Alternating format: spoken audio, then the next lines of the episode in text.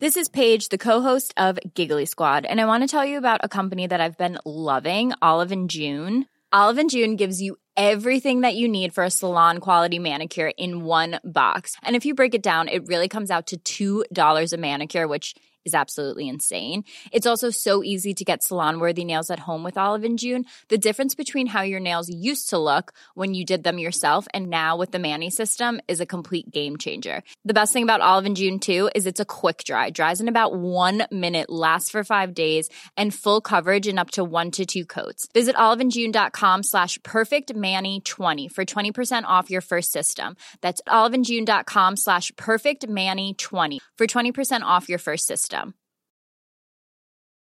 Since 2013, Bombas has donated over 100 million socks, underwear, and t-shirts to those facing homelessness. If we counted those on air, this ad would last over 1,157 days. But if we counted the time it takes to make a donation possible, it would take just a few clicks. Because every time you make a purchase, Bombas donates an item to someone who needs it. Go to bombas.com slash ACAST and use code ACAST for 20% off your first purchase. That's bombas.com slash ACAST, code ACAST.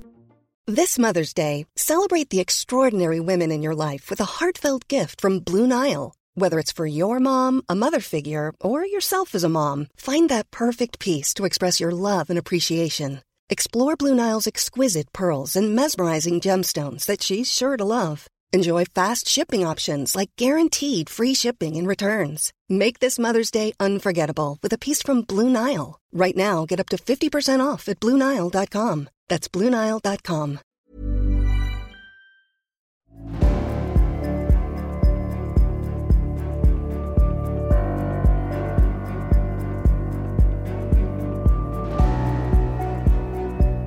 Du lyssnar på podcasten Samtal, en podcast med fokus på fria samtal. Den här podcasten presenteras av tidningen Bulletin. Om du vill få tillgång till samtal sju dagar före alla andra så kan du gå in på www.bulletin.nu och bli prenumerant. Då får du också ta del av hela Bulletins premiumutbud. Kom ihåg att Bulletin också finns som app till både iOS och Android. Länkar hittar du i beskrivningen till det här avsnittet eller på min hemsida www.samtal.ax. Jag släpper nya samtal alla onsdagar året runt och jag tar tacksamt emot tips ifall det finns någon du vill höra i podden. Idén bakom podden är att fokusera på fria samtal. Jag tror att öppenhet är grunden för det demokratiska samtalet och jag vill uppmuntra dig som lyssnar att exponera dig för samtal med någon du inte håller med. Jag heter Jannik Svensson och du lyssnar på podcasten Samtal. Thomas Salme blev känd för allmänheten efter att ha åkt fast för att ha jobbat som pilot i 13 år utan utbildning och med falska papper. Idag bor han i Italien där han jobbar som dokumentärfilmare. Hans dokumentärer cirkulerar, cirkulerar ofta kring kriminella och narkotikabrott. Välkommen till podcasten Samtal, Thomas Salme. Tack så mycket Jannik, tack. Eh, alltså den här historien eh, har man ju hört, du vet, från jättemånga olika håll och man har läst om det i tidningar om killen som flög i 13 år utan flygcertifikat och vi ska hoppa in på det. Men först för att förstå hur allt det här började. Var, var, hur liksom, vad var det som ledde upp till det här? Kan du berätta lite om din bakgrund och vad, vad, var kommer du ifrån och hur blev det så här? Ja, ja jag är som en Jag är eh, uppvuxen i Jordbro söder om Stockholm. Och eh, när jag var ung då var Jordbro ett ganska nytt område. Så att det var liksom, ja, hela världen var ju där brukar jag säga. Det, det, var, det var folk från hela världen, Jugoslavien och, och Finland och, och Sverige och Turkiet och Chile. Ja, det, hela världen var ju då i Jordbro. Och självklart var det så att man eh, började skolan och sådär så var man ju lite rädd med de här olika kulturerna. Men det var ju faktiskt väldigt bra sen måste jag säga. Det var, var det väl inte... en av dem. Det var väl en av dem som fick mig kanske att göra det jag gjorde sen också. Var det inte från, från Jordbro som Janne Ranninen kom, alltså Solvalla? Jo, precis. Jag tror att han, jag, säkert, jag, säkert, jag, tror, jag, tror, jag tror jag sett honom i, i, i, i, skolan. Vi gick på samma skola. Men jag tror att han är något yngre. Jag är född 69, jag vet inte om han är 70 eller 71. Alltså jag tror han är par, eller något år yngre än vad jag Men jag tror jag tror att jag känner igen honom. Jag, mm. jag, tror, att han, jag tror att han är ganska många, jag tror att han är född, vad kan han vara född då? 70, 78, 77, något, något sånt. Men han, han har ju varit med i den här podden i alla fall. Jag, Eh. Okay. Så där pratar vi lite också om det. Så det är många, många eh, fantastiska historier har börjat i Jordbro. Ja. Men, men du växte... Jag sköt aldrig ner någon. Jag sköt aldrig ner någon. Nej, det är sant. Du sköt aldrig ner någon. men du har flugit runt utan flygcertifikat. Men du, du, du växte upp under normala förhållanden eller var det liksom? Ja, jag var, absolut. Jag, jag, var, vi, jag, var, jag var enda barnet. Var mm, normala förhållanden. Spelade ishockey och umgicks som alla andra barn. Eh, fotboll och hockey. Och, men hade när jag tror jag var sju, åtta år så blev jag så här, nästan frälst eh, på att jag ville bli pilot, alltså flyg. Så jag följde med min pappa då som... Min pappa var en... Eh, jobbade på, som programmerare med datorer, men han eh, var intresserad av ganska så här halvprofessionellt fotografera. Så ibland så fotade han rally och hade lite bättre kameror. Så att någon gång så tog han med mig till Arlanda när jag var sju, åtta år. Sen så så var vi vid någon landningsbanan där och fotade och då blev jag, liksom, då såg jag de här flygplanen då första gången och då blev jag som sagt var förälskad i att de här olika färgerna på flygbolagen och så, så började jag liksom titta, den här ska åka till London, där till New York och så vill jag liksom, vill jag se världen. Då blev jag väldigt, då vill jag bli pilot helt enkelt. Och, och du tänkte aldrig att du kunde liksom söka till skolan och bli pilot? Alltså det kom ju sen. Så att, jag menar, min uppväxt det var liksom att när jag var sju, åtta år tänkte man inte på det. Men jag, menar, jag pluggade och gick gymnasiet, fyra år tekniskt sen och sen eh, efter det, det var då liksom eh, jag jobbade lite extra på Arlanda på KLM och eh, jag ville ju fortfarande bli pilot men min mamma dog och det hände lite saker i familjen och, och eh, jag kom liksom till en punkt där jag hade tagit ett, ett privat certifikat då, som jag vet inte, 40 eh, timmar, och så här, 40 flygtimmar och kunde inte ens behålla det för jag hade inget, jag hade inte pengarna. Jag hade ingen ekonomi och jag kunde inte ta lån för min, jag och min pappa just då, efter min mamma dog, hade inte så bra kontakt. Så att jag menar, jag hamnade då när jag var 20, 21, 22 år, hamnade liksom en, en liksom att katten, jag ville bli pilot men eh, det gick inte. Och du jobbar på Arlanda då sa du och du hade tagit ett privat, alltså ett sånt här litet certifikat för ett sånt litet flyg? Ja, jag hade haft lite pengar från min mamma och lyckades ta det certifikatet och liksom, men jag jobbade extra på helgerna när jag gick i, gymnasiet på KLM flygbolaget så att jag fick insyn Jag var jätteglad och var spännande och allting med flyg det älskar jag. Så att, jag menar, sen jag var sju, åtta år så hade jag liksom Ja, jag pluggade själv helt enkelt. Det är mycket då inom flyg. Det är både meteorologi som jag är intresserad av och jag tror jag var en av de så här tentorna när jag var, kanske var 14-15 år.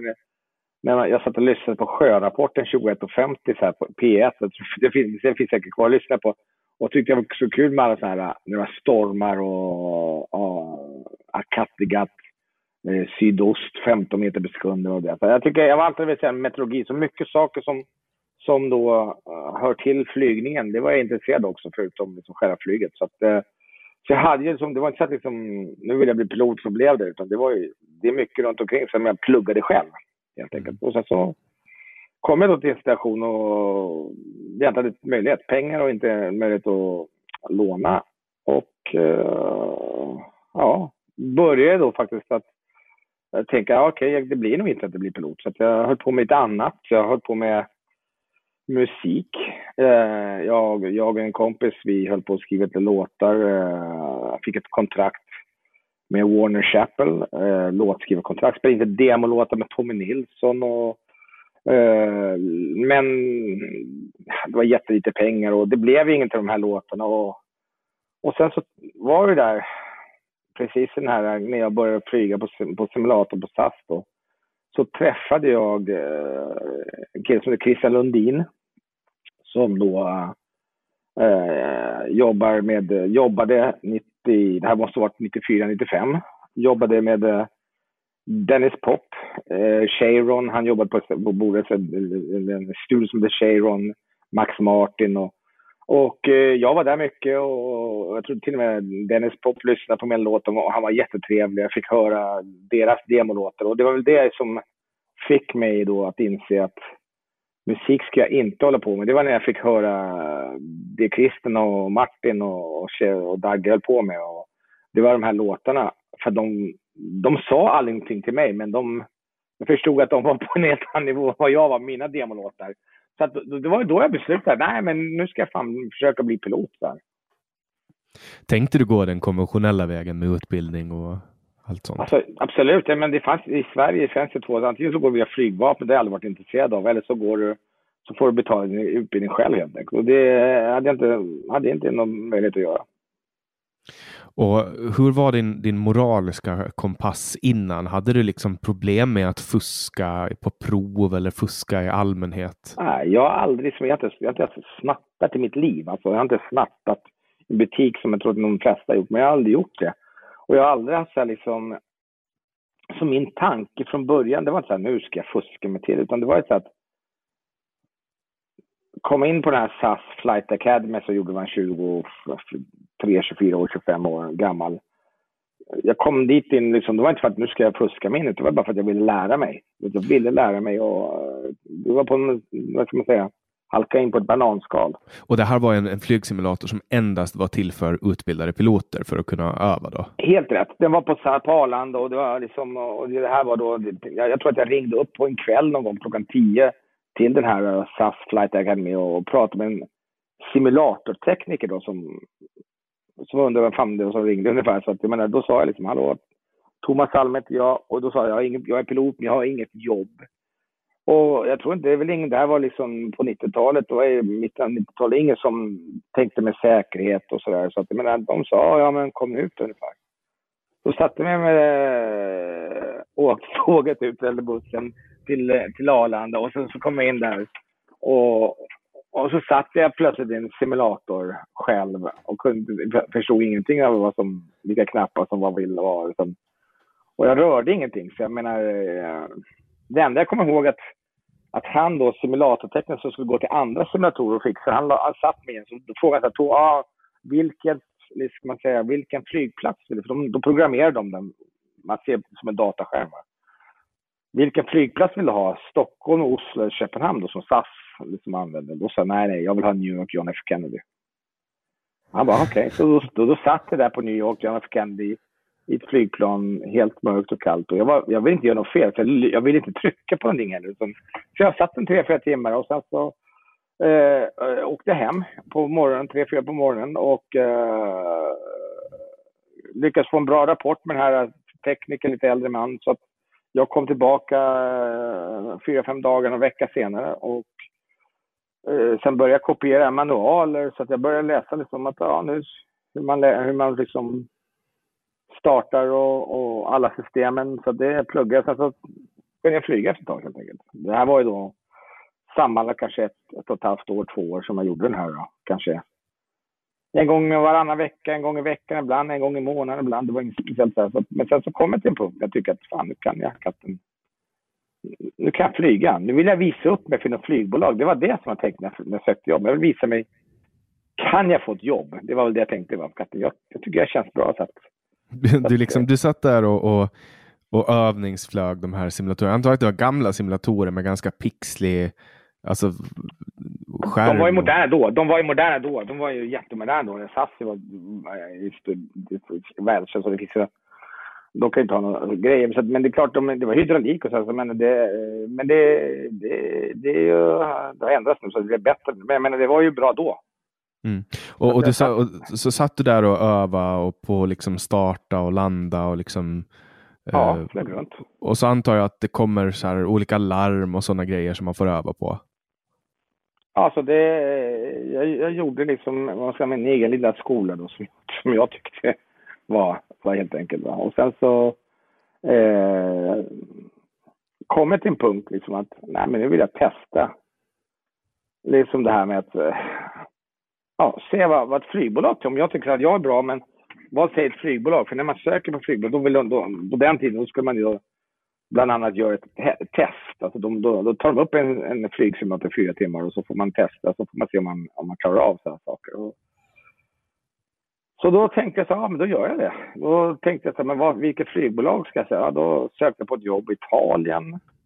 För jag kände en massa italienare i Stockholm som hade en massa restauranger i Gamla stan och tyckte de var jättetrevliga. Jag tyckte de var wow, de är de är ju, jag fick en bra kontakt med italienare fast jag inte pratade italienska. Inte varit Italien och jag tyckte bara att det var, de, de som jag kände i Sverige gav mig jättetrevliga och jag vet inte, jag gillade Italien på något sätt redan då. Men eh, sökte ett jobb på ett italienskt bolag och ja, fick då eh, ett brev tillbaka att nu ska du få komma på ett simulatortest. Och sen så gjorde jag det och klarade av det. Då blev jag anställd i Milano 97. och, det, och pappret, hur, alltså alla papper och? Ja, jag hade inget certifikat. Jag, hade inget, så jag hittade på och gjorde ett eget certifikat som jag trodde ungefär skulle se ut som ett eh, kommersiellt pilotcertifikat. Så det gjorde det, det fanns ingen stämpel på. Vi hade ingen stämpel. Så den, den rutan var, var tom och sen så klippte jag ut det där eh, på min sax liksom. Det var, var ganska amatörmässigt. Liksom så, rent, man ska säga, hur man förfalskar saker. Så det, jag gjorde bara någonting så här, ja, men det där, jag skickar in det här. Det är inte så viktigt. Och vad var tanken då att du skulle flyga kommersiellt eller var det bara för att se om du skulle klara av och liksom ta dig igenom det här och kanske få? Ja, det var väl bäst. I början var det så att kapten, nu, men sen så fick jag jobbet och så blev jag kallad till Italien och sen så katten, ja men då kör jag på helt enkelt, tänkte jag. Jag tänkte, ja men det kommer inte gå liksom. Men på något sätt så, så, så hade vi, de var så trevliga och jag blev nedbjuden till Italien och det bara gick på en räls efter det på något sätt. Och när jag hade kommit in, då gick som... Och det gick bra för att det blev... Eh, när jag började flyga sen, då... Det blev bra. Jag var styrman då ett, ett par år eh, innan jag blev kapten. så då, du, du, kommer, du kommer första dagen på jobb liksom, och jag antar att du ska vara andra pilot. Du kliver in i cockpit det är liksom första gången du gör det här. Alltså för de trodde väl att du hade tidigare erfarenhet. Jag menar, hur liksom navigerar du dig fram till den här platsen? Alltså, du kommer dit och, och sätter dig i cockpit och träffar första piloten eller kaptenen. Vad, vad händer då? Första dagen på jobb? Första dagen på jobbet, ja det är klart det är nervöst. Men det är väl ungefär som om du ska börja på ett nytt jobb. Man är alltid nervös om man börjar på ett nytt jobb om man vill sköta sig bra. Men, men du har ju heller aldrig var... suttit i en cockpit när planet flyger. Nej, jag har inte suttit där. Men det, var, det är som att simulatorer är otroligt lik. Alltså det är exakt samma eh, sådana knappar i en simulator som det är ett riktigt flygplan. Så det är, samma storlek. Allting är exakt likadant. Så jag visste ju hur det skulle gå till. Så jag pluggade liksom pluggat på vad gör kapten, vad gör pilot och sådär. Och sen, så att, menar, det är klart att jag var nervös och jag kanske var säkert extra nervös, men det gick bra. Jag vet inte, första flygningen var från Milano till Napoli i södra Italien fram och tillbaka. Och när den första flygningen hade kommit tillbaka då, var jag, då bodde jag på ett hotell och jag pluggade och jag kommer ihåg att jag försökte koncentrera mig. Så att det första kanske, jag vet inte, flög typ fem dagar, sen var jag ledig två dagar. De första fem dagarna var bara liksom plugga, sköta sig, göra så bra, vara så proffs som möjligt. Och sen så, när den här fem dagarna, då, då kände jag, katten, ja, jag har faktiskt blivit, nu har jag blivit pilot så att jag lyckades göra det jag ville ha. Men, eh, men det var lite tråkigt på det, för jag visste att det var ingen, det, det, jag visste att på något sätt var det fel. Jag visste att det här, det här är inte bra på något sätt, jag kände ju det. Och, och vad, vad säger liksom dina vänner, din familj när du helt plötsligt jobbar som pilot?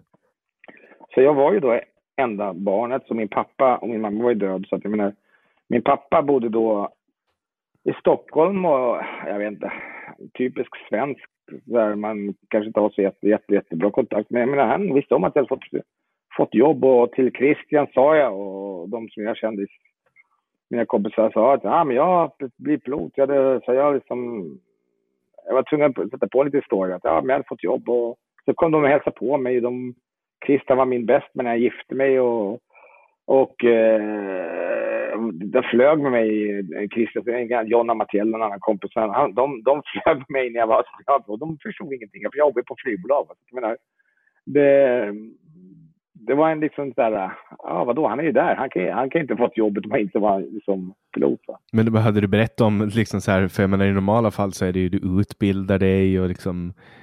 Så... Ja, de visste ju att, men det var ingen som visste att jag inte hade utbildat mig heller. Så det var ju liksom.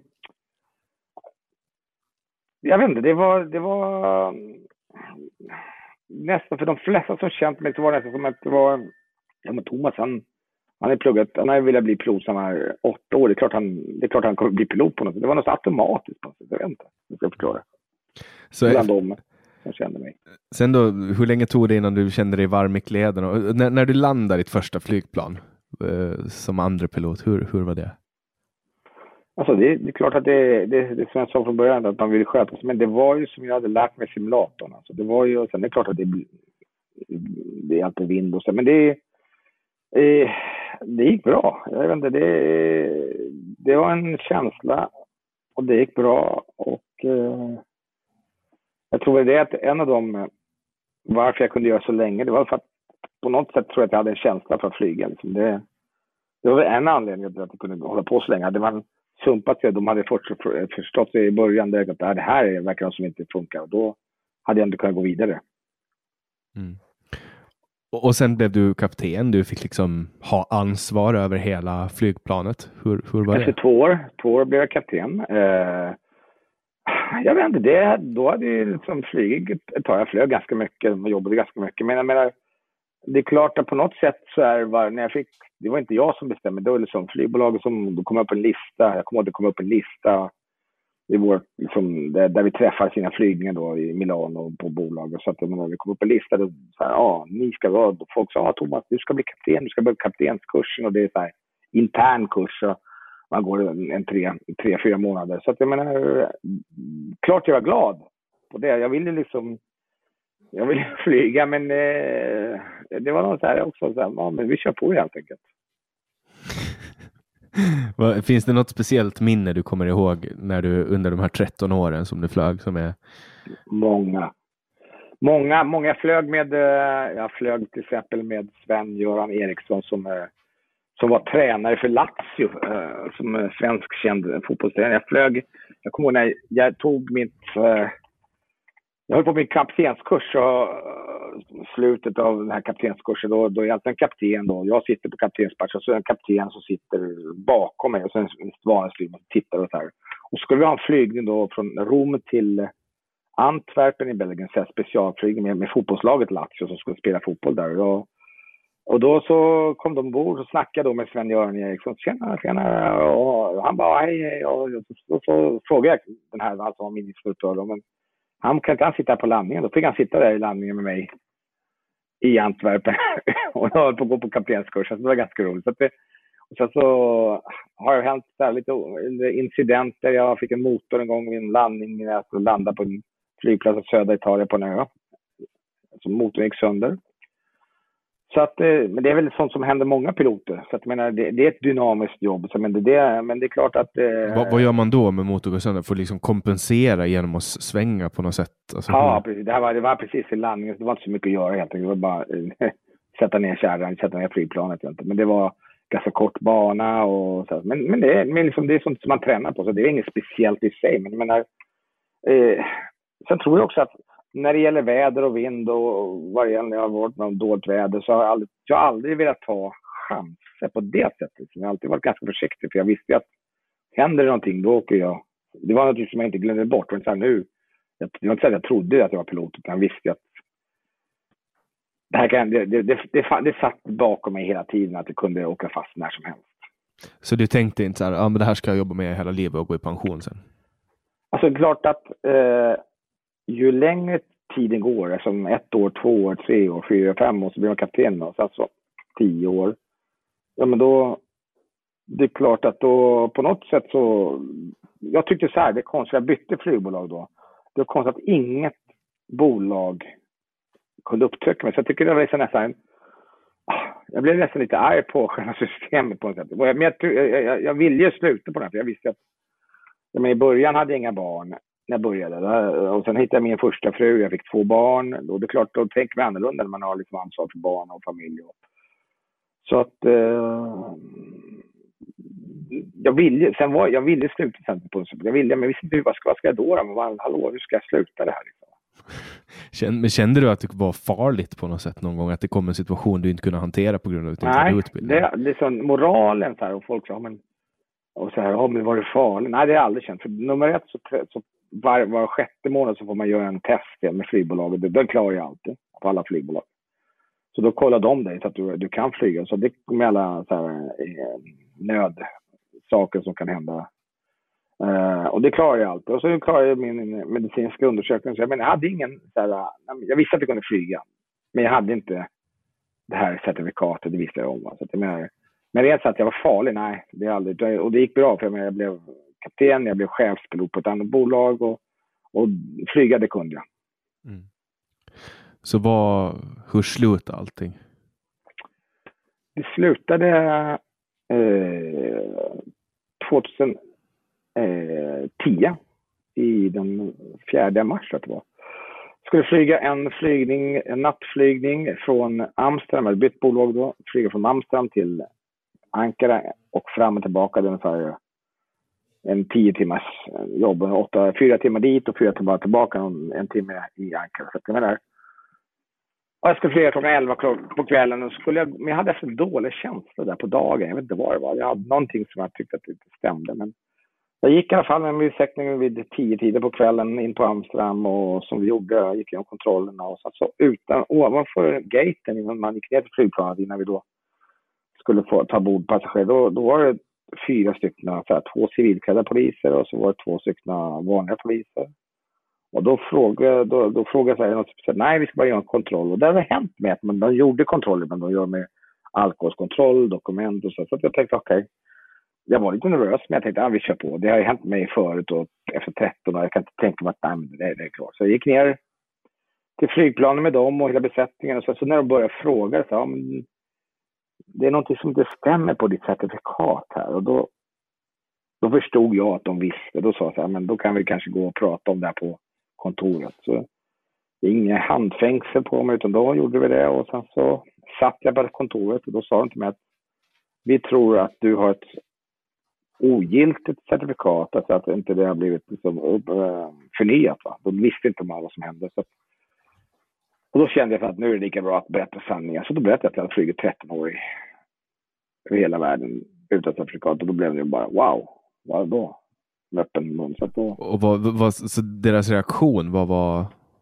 Ja, de fick en chock. Det stod ju på nyheterna dagarna. Jag kommer hela jorden, Fox News, CNN och ja, Sverige och pilot som flyger. Du vet, 13 år utan certifikat, vad är det för någonting? Så det är klart att det blev ju... De blev ju ganska chockade då. Men... Eh, vart, tog, vart tog de dig? Fick du gå hem eller?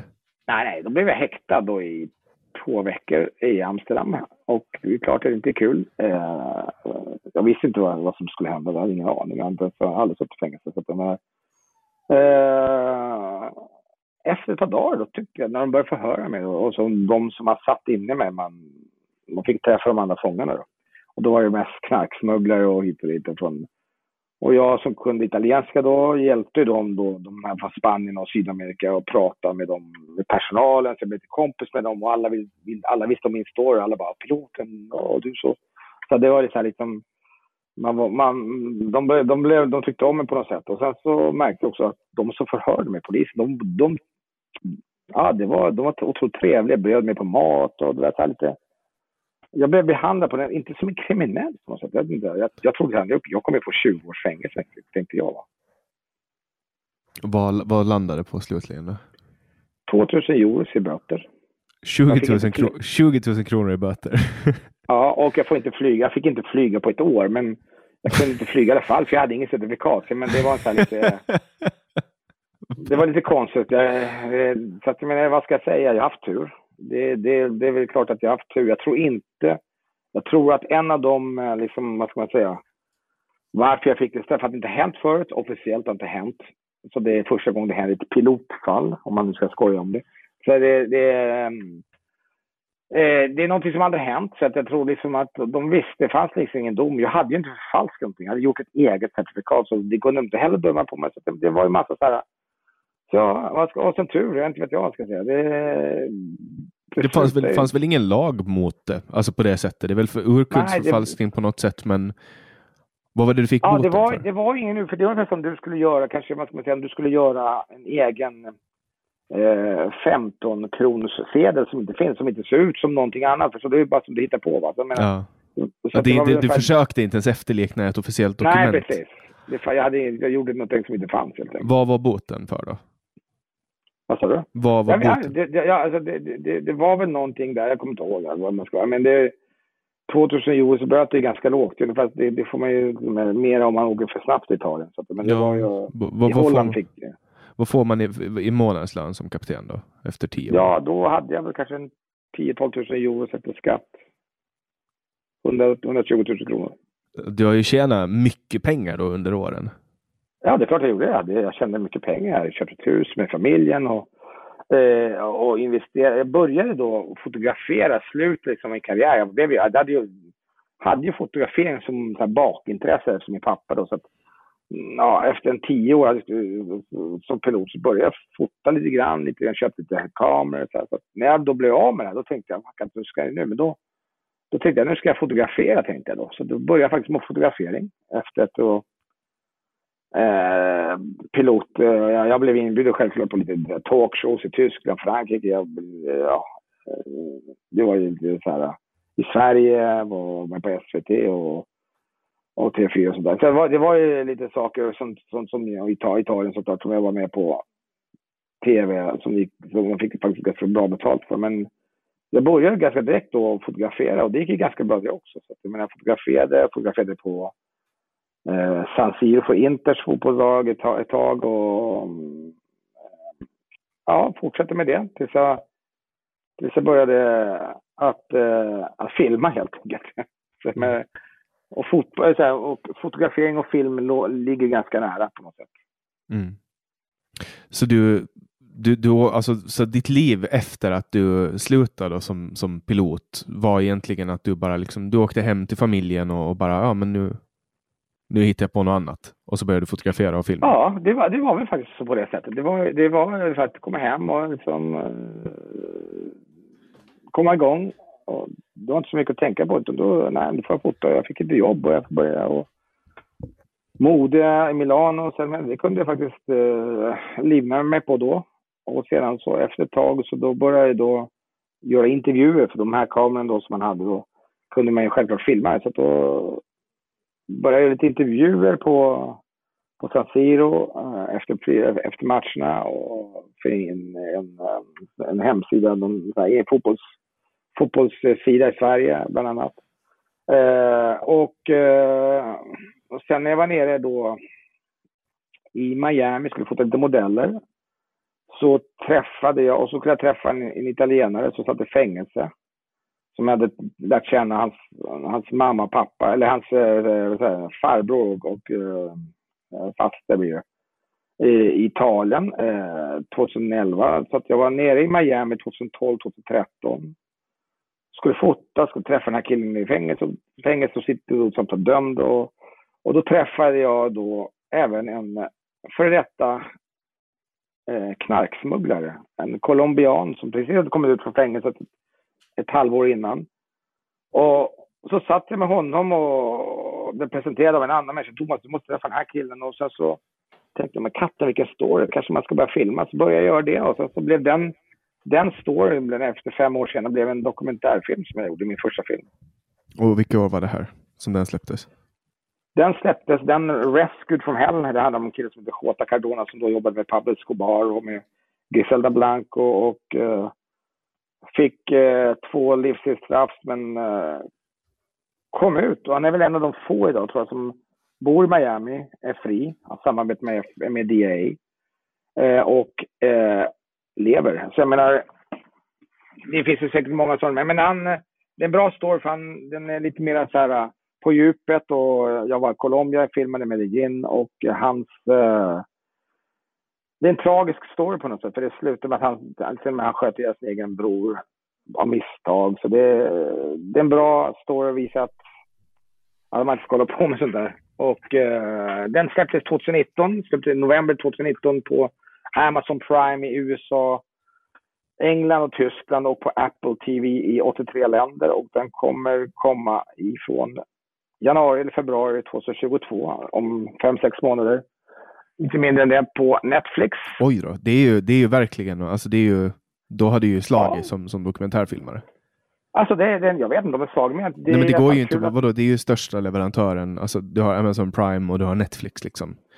Jo, Och- jag, jag jag är jätteglad och jag, jag har alltid pluggat till vad bli, bli, man behöver ingen licens för, för att vara dokumentärfilmer så det är ganska kul att kunna göra någonting Eh, ja, man behöver inte alltid plugga. Sen så om jag skulle få plugga, då skulle jag göra det. Men nu, nu, nu börjar jag bli till åldern, det går inte att göra. Så att, menar, och det är också en känsla, eh, som, som mycket. Så att, jag menar, det har gått bra.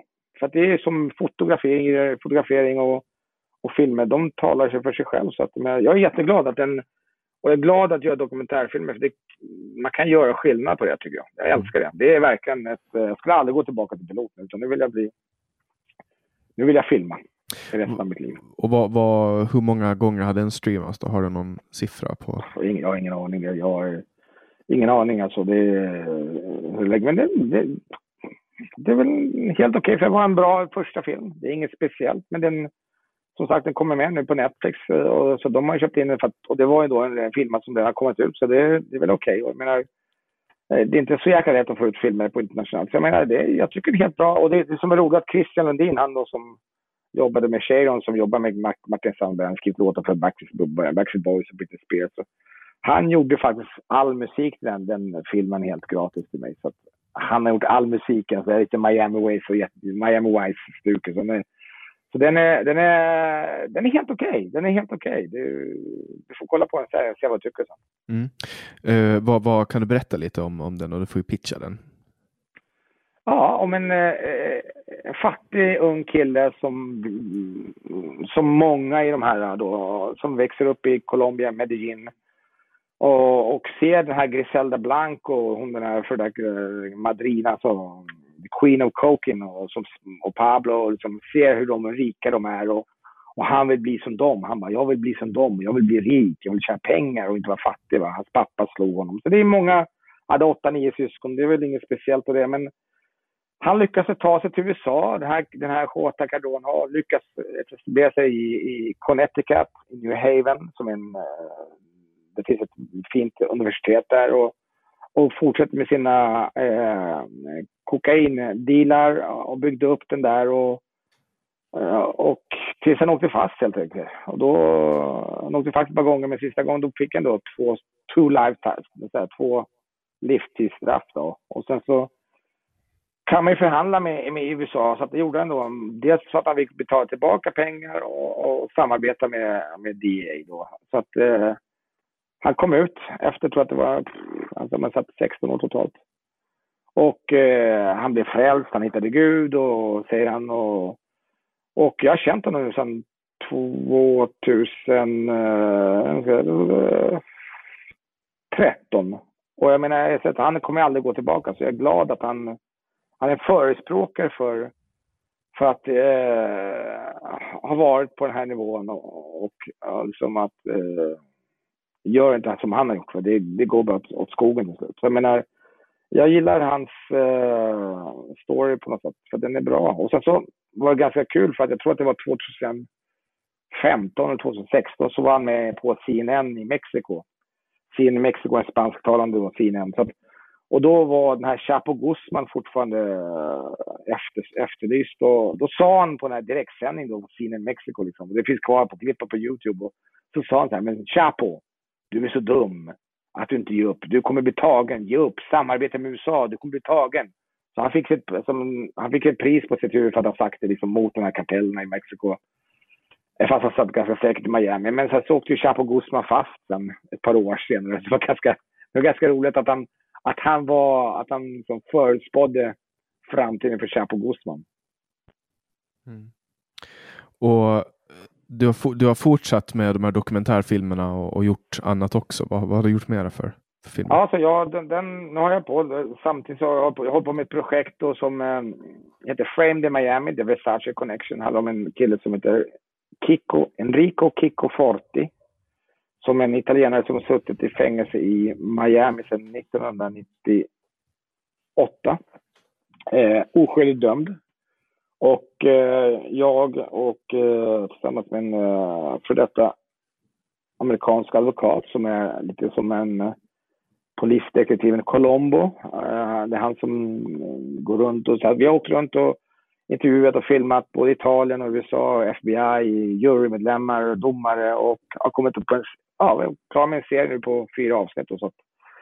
och den, jag tror den, den är ett jättestort case i Italien. Eh, italienska regeringen, han är jättekänd i Italien, den här killen som heter oskyldig. Så det är en ganska otrolig story om hur i stort sett en vanlig människa kan hamna. Han hade, hade två, tre barn och man kan liksom ganska så enkelt komma i, i situationer där man kanske oj, blir framad eller eh, för ett mord och som man blev. Så att den, är, den är en otrolig story. Det är många människor eh, från Ibiza till Miami, till Italien och till England. Så det, det är en otroligt komplicerad, men den, den, vi får se vad som händer med den. den förhandlingen nu med lite stora kanaler som jag inte kan berätta om, men den, den kommer säkert komma ut i början av nästa år. Mm. Kommer den också komma på Netflix? Och det kan jag inte säga just nu, för då kanske jag... Men det, det finns några intressant. Jag har ju en, sån här, en advokat och en, en agent som fixar det. Men den, den kommer säkert komma på, jag är ganska lugn på att den kommer komma ut på ett stort nätverk i världen över ganska snart. Mm. Och Vad är det som är så spännande just med, med narkotikabrottslingar? Det låter ju som att du har extra... Alltså crime, jag menar, ja, crime det, det är väl det, som att, jag menar, crime är ju det som man, att man... Uh,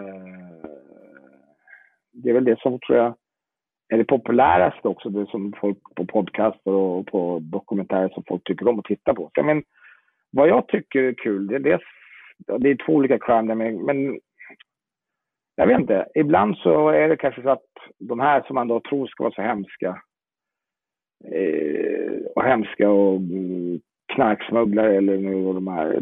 de kanske inte alltid är det, utan det kanske finns också människor runt omkring som inte åker fast och som inte då som kan vara värre. Va? Så jag vet inte, ibland eh, så ska man inte döma människor så jäkla snabbt heller. Så att jag, menar, Och jag är ingen polis och ingen eh, domare, utan jag vill försöka bara göra bra stories. Så att jag menar, men eh, det, finns, det finns alltid ett mänskligt... Eh, vi är människor allihopa. Mm. Uh, och du har flera dokumentärfilmer på gång vet jag, för vi snackade lite här, här, eh, häromdagen före inför det här samtalet och då pratade vi lite om Operation Playa som säkert många svenskar känner igen eh, från. Det är den här det är svensk då som anklagas eller som misstänks för att vara inkopplad i internationell brottslig verksamhet som gör att svenska polisen och åklagarmyndigheten drar igång en jättestor operation som heter Operation Playa där, där, de går, där det är poliser som går undercover. Eh, och det de gör då är att de åker till ett semesterparadis i Spanien och festar jättemycket för skattepengar. Varje kväll festar de och kör dyra fina bilar och bor i en fin villa för att kunna närma sig den här killen. och du, du hade ja, honom? Det, det, det, är helt rätt. Det är alltså, du, alltså, du, du vet ju om den här storyn. Jag menar, jag har så, jag har gjort grejer oftast, eller jag håller på med saker som eh, ja, amerikanska saker eller ja, italienska, eftersom jag bor i Italien. Jag har bott här. Så jag men jag har inte haft, ja, men jag har kontakter så här, men jag har alltid varit intresserad av den här. Jag har följt med då i tidningar och, och, och sådana SVT-dokumentärer om Person Playa och jag tyckte alltid var fascinerad på det. Det var liksom på något sätt så här, det som hände, det som blev anklagade för, det var ju också liksom där det var inga människor som blev skjutna eller liksom hit och dit. Utan det var någon, någonting som blev fascinerad av. Så jag började rota för kanske sex, sju månader sedan och började eh, mm, fixa lite med möten med, med inblandade människor utan, utan att nämna namn som jag då har kommit ganska långt med faktiskt. Jag har fått så mycket bra material. Jag har fått så otroligt mycket kött på benet. Så att eh, nu ska jag bara försöka få tricks in den här tiden och och den tror jag också att eh, den kommer nog inte bli någon sån här, eh, det är inte bara svensk dokumentär, utan det här eh, tror jag kan bli en eh, alltså, europeisk internationell dokumentär, för det är så jävla otroligt. Det är otroligt det som hänt i den här storyn på alla, alla nivåer. Och eh, ja, och det, det, dokumentär måste man ha fakta, så att det är inte vad jag tycker och tänker. Det, det har kommit in till mig material, eh, svart på vitt, som jag bara stod med bara, oj vad är det här? Va? Så att jag menar, och, och de inblandade, både eh, har varit jättetrevliga. Jag har träffat advokater, jag träffade de som var dömda och icke dömda. Och så, så att jag, alla de som har varit med i det här har varit otroligt trevliga och öppna mot mig när jag intervjuade dem och pratade med dem. Så att, jag, menar, jag tror att den här den kommer att bli bra. Det blir bra, bra. Det är i alla fall Sveriges största eh, narkotikamål genom tiderna, utan tvekan. Och ett av de största eh, alltså, kriminella brotten, alltså förutom efter så, eh, vet du, eh, som åklagaren tagit upp efter Palmemordet. Så att det påkostat. Och så, så, men, så det, jag tyckte att den, den har blivit lite så här, ah, okej, okay, det kom ut en SVT-dokumentär som var ganska så här, bom, bom, bom.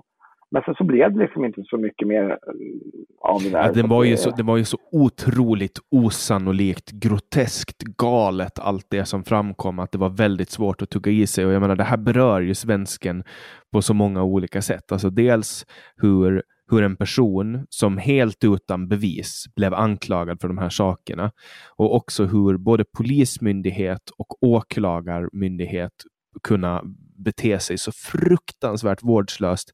Och ändå när man insåg hur eh, osannolikt dåliga metoder man valde att använda. Alltså just det här med att de skulle bygga upp en legend genom att vara på en nattklubb varje kväll. Alltså två stycken svenska poliser skulle sitta på en nattklubb och spendera pengar för att locka till sig den här killen som man misstänkte att ledde ett kriminellt nätverk eh, från Spanien. Och, och, och, alltså att man liksom satt och brände bort de här pengarna och på helt lösa grunder liksom bugga hans hem och, och, och, du vet, och det här säger emot den svenska rättsstaten på ett sånt fundamentalt sätt så att när människor ser den här eh, SVT-dokumentären, jag tror att det är för mycket för att ta in. Alltså skulle det, vara, skulle det vara mindre groteskt, då skulle det vara lättare att ta in, men nu blir det bara för mycket. Så det, det, alltså det, som är, det som är troligt med den här storyn, det är liksom det som du säger, det är liksom att det, det, är internationellt. Jag menar, det, Eh, en av de inblandade han blev hämtad, eh, han blev deporterad, utvisad så här, eh, från eh, Colombia och det, han blev påkommen med 1,4 ton i, i eh, kokain i Karibien. Så du har ju det här mängderna med kokain och det stora internationella och det då som både ja, åklagaren, den här tjejen och åklagarkvinnan då, hon hon var väl kanske lite desperat där och jag vet inte vad som hände men det, det, det, det, som, eh, det, finns, det som är så bra med Sverige är att de flesta dokumenten finns ju kvar och de har jag, de har jag fått tag på. Jag menar, eh, och där står det ju svart på vitt. Så att jag menar, och det är ju det är otroligt men sant. Vad, vad som än händer i det här caset, det är, det är en helt otrolig story. Så att jag menar, jag hoppas att jag ska kunna berätta den och kunna få ut den på ett spännande och bra sätt. Och det, det, det är otroligt alltså, att det man tror ju saker, att, men det är så ibland. De bästa historierna är sanna. Det, det, är som man, det som man hittar på ibland det, och det kan vara spännande, och så, men det som ibland det, det mest otroliga ibland, det är faktiskt sant. Jag menar, så att det, det, det här kommer bli en, det är en, en stor, eh, bra story helt enkelt. Ur, ah, ur alla perspektiv. Mm. Finns det någonstans man kan se dina dokumentärer då utan att, att betala? Alltså finns de på Youtube eller Alltså den, den, har, den, den håller jag, på, jag håller på med den här nu. Alltså. Jag håller på med den här. Så ja, men jag, jag tänker på någon av dem du har släppt innan. Eh, inte, för att inte, nej, den, den, då, får, då får man vänta kanske om man då kanske har abonnemang till, på Netflix. får man kanske vänta till, till det kommer på Netflix i, i januari, februari ja, det här 2022. Då. Så att jag menar, eh, om man då får vänta några månader, då får man väl betala. Mm. Det, Amazon kan man inte se den, för den, den finns det bara på Amazon i USA och England och Tyskland. Så den finns det på Amazon i Sverige.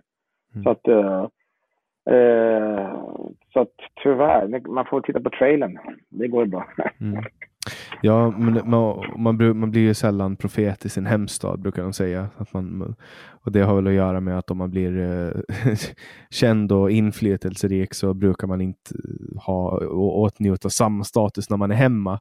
Och nu låter det som att dina dokumentärer har lite högre, större täckning i USA och, och andra länder än just Sverige.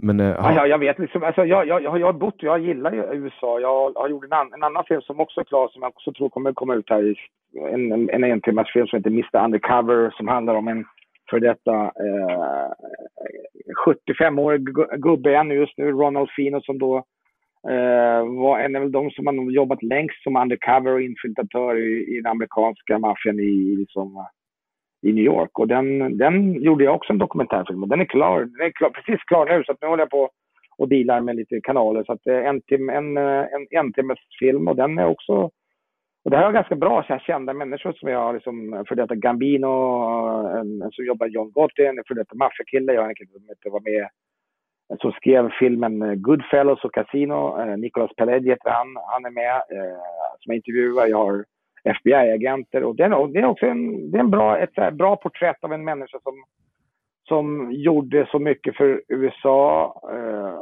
men som inte, inte ens till slut, han fick inte ens någon medalj för det som, som man får från veteraner. Så han jobbar som lite fattig detektiv, privatdetektiv nu i Virginia, men eh, hans story tycker jag är bra. Så den, och se vad, men det är så amerikanskt, så du har helt rätt att jag har inte gjort så mycket med Sverige, men, men det är bara för att jag bor där. Jag har inte bott i Sverige på 24 år, så jag menar, det, då blir man ju lite...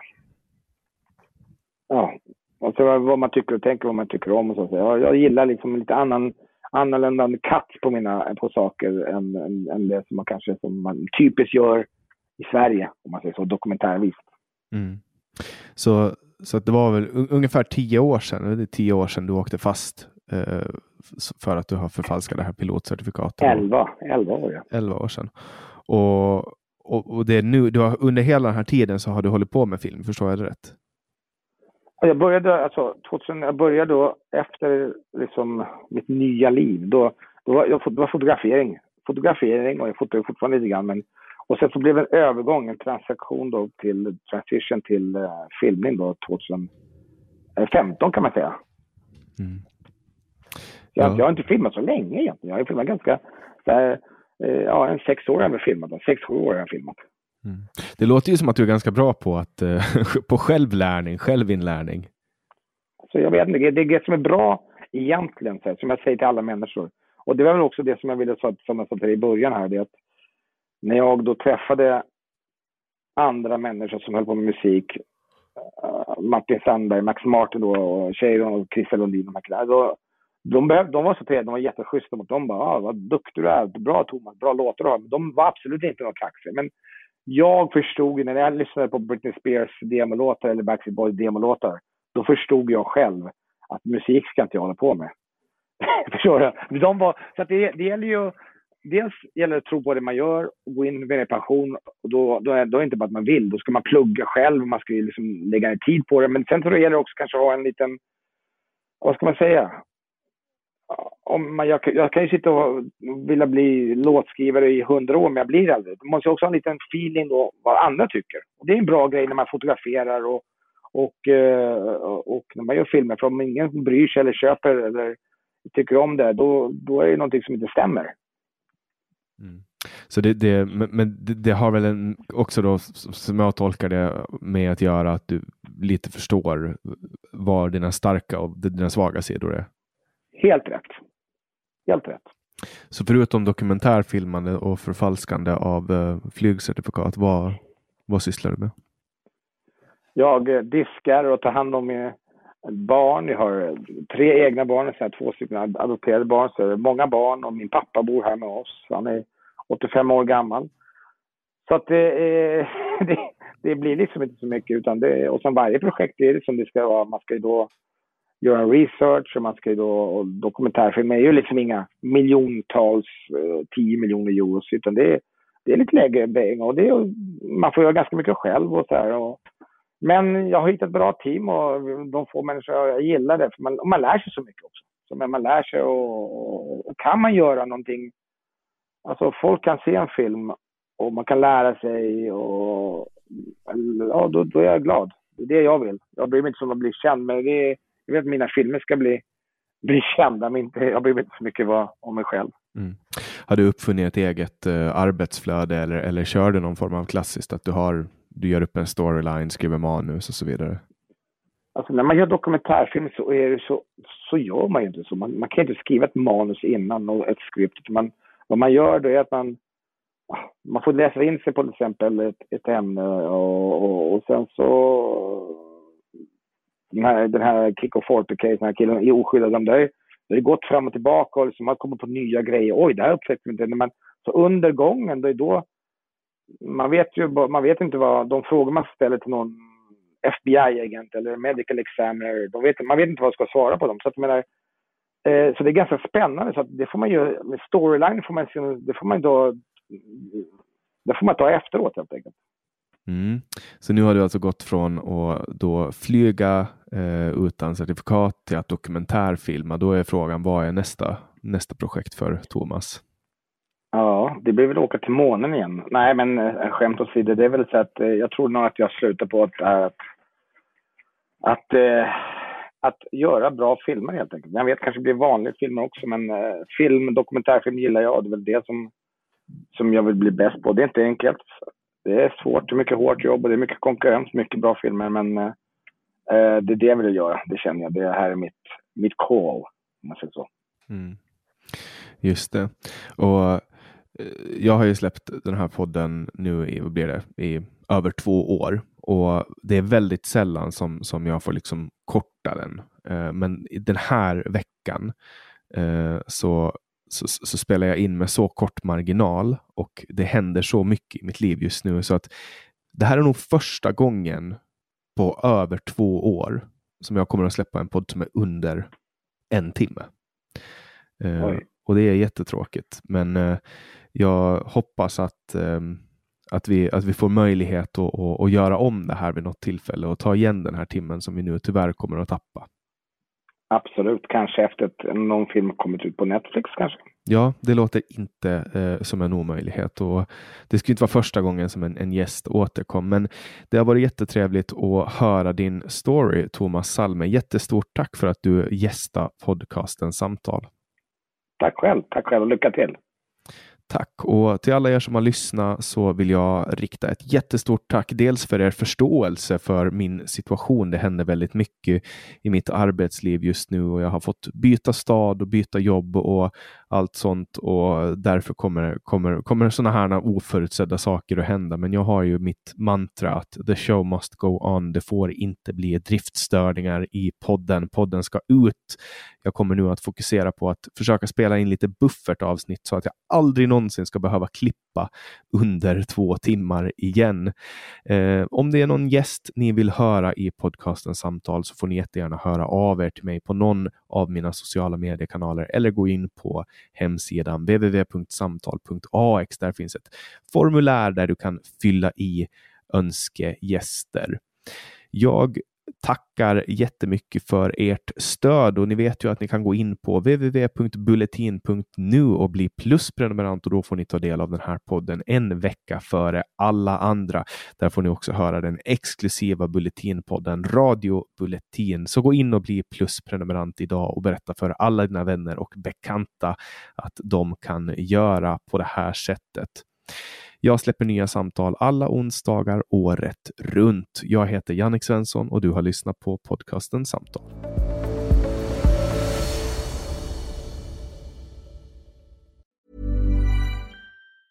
A lot can happen in three years, like a chatbot may be your new best friend. But what won't change? Needing health insurance. United Healthcare Tri Term Medical Plans, underwritten by Golden Rule Insurance Company, offer flexible, budget friendly coverage that lasts nearly three years in some states. Learn more at uh1.com. Hey, it's Paige DeSorbo from Giggly Squad. High quality fashion without the price tag? Say hello to Quince. I'm snagging high end essentials like cozy cashmere sweaters, sleek leather jackets, fine jewelry, and so much more. With Quince being 50 to 80% less than similar brands. And they partner with factories that prioritize safe, ethical, and responsible manufacturing. I love that. Luxury quality within reach. Go to quince.com slash style to get free shipping and 365 day returns on your next order. Quince.com slash style.